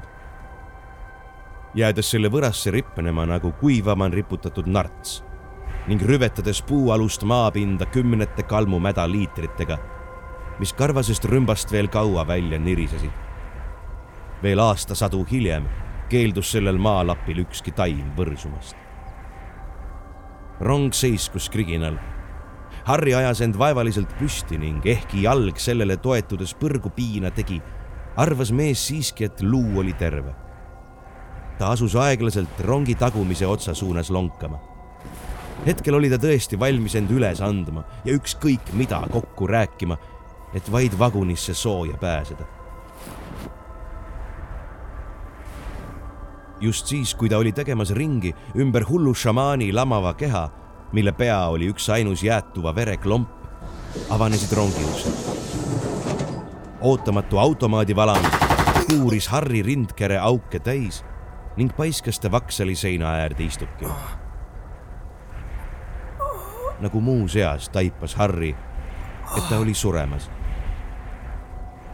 sellega kaasas käiv valu tundus kauge ja ebaoluline võrreldes mõnusa soojusega, mida mitmest kuulihaavast tema talvejope alla valguv veri pakkus. tema pilk polnud veel kustunud ning hägusena nägi ta, kuidas teda tulistanud mees rongist väljus ja kuidas tollele järgnes veel mitu teist. kõigil ees suusamaskid ja käes relvad. raisk, liiga hilja sain pidama ma ütlesin ju, et pole seda marki veduriga varem sõitnud. prožektorid ka kurat ei põle sa said isegi hästi hakkama. mis see oli, millele sa otsa põrutasid? ei tea, ei huvita äh,. ütle parem, mis pagan siin toimub. tapamajja sõitsime või? no kurat, seda verise peaga tüüpi mina ei tulistanud. Lamas juba enne ja on need soolikad, mis siin vedelevad türa, milline hais. vahet pole. olge valvel. Max, tule. tassime kauba Vaksalisse ja ootame seal. kollektsionäär lubas, et saadab kopteri niipea, kui torm veidi vaibub. Juri, sina paigalda viimased asitõendid, nagu me kokku leppisime. pihusta tolle ökokamba logo ka igaks juhuks vedurile, et mingit kahtpidi mõistmist ei tekiks. Ning kui kedagi veel näete, siis laske pikema jututa maha. meil on siin liiga suured rahad taga olgu, boss.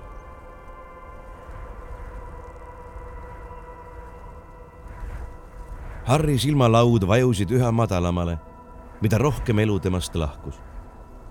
ähmaselt nägi ta ringi sagivaid ja hõiklevaid püssimehi, kuid lõpuks kadusid noodki kuhugi ära. seltsiks jäi talle vaid hullu vanamehe keha, mis näoli tema ees lebas. just siis, kui Harri valmistus minna laskma ja silmi lõplikult sulgema, liigutas lamaja end. šamaan tõstis oma verise pea ja vaatas surijale hämmastavalt selgete silmadega otsa. ehkki Harri ei tajunud sõnu, näis talle nagu püüaks vanamees oma sassis habeme vahelt midagi kõnelda. huuled liikusid ja liikusid. mida ta seal küll pomises? Harri püüdis end püsti ajada, et lähemalt kuulata. ja ennäe, tema jalg ega haavad ei valutanudki enam kangena tõusis ta üles. tema silmile laskus sinakas hägu, mille sees kogu maailm ometi selgena paistis. Kusagilt kostus mitme südame tuksumist ning meeste hääli, mis omavahel vestlesid. nii perroonilt kui rongi sisemusest õhkus hiljuti valatud vere magusat lõhna. Harri oli kindel, et ta oli tulnud siia midagi tähtsat tegema kuid see ei tahtnud talle kuidagi meenuda. näe, vanamehe hääl tema peas rääkis täiesti mõistlikku juttu. Tuli minna süüa otsima. nälg näpistas hirmsasti ja tühja kõhuga mõte tõesti ei töötanud. eks tuli minna ja ringi vaadata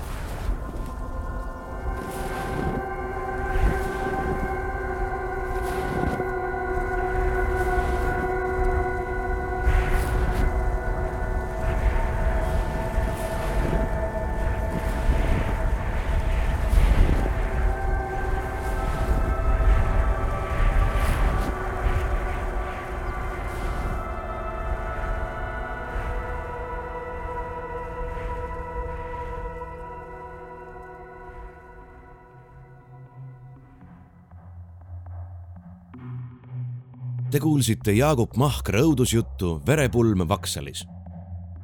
osades Harri, Tanel Bergmann, Viktor, Mart Niinepuu, Jaan, Tarmo Prangel, šamaan, Margus Prangel, Anna, Eha Öövel, zombilapsed, Mattias Öövel ja Maia Öövel, jutustaja Mehed rongist ja traktorist Ilja Priit Öövel. aitäh teile kuulamast kommentaarid, kiitused ja laitused on nagu ikka oodatud meie Facebooki lehele Tumedad tunnid podcast. jagage meid oma sõprade ja vaenlastega ja toetage meid meie toetusleheküljel patreon.com kaldkriips tumedad tunnid. kohtumiseni märtsis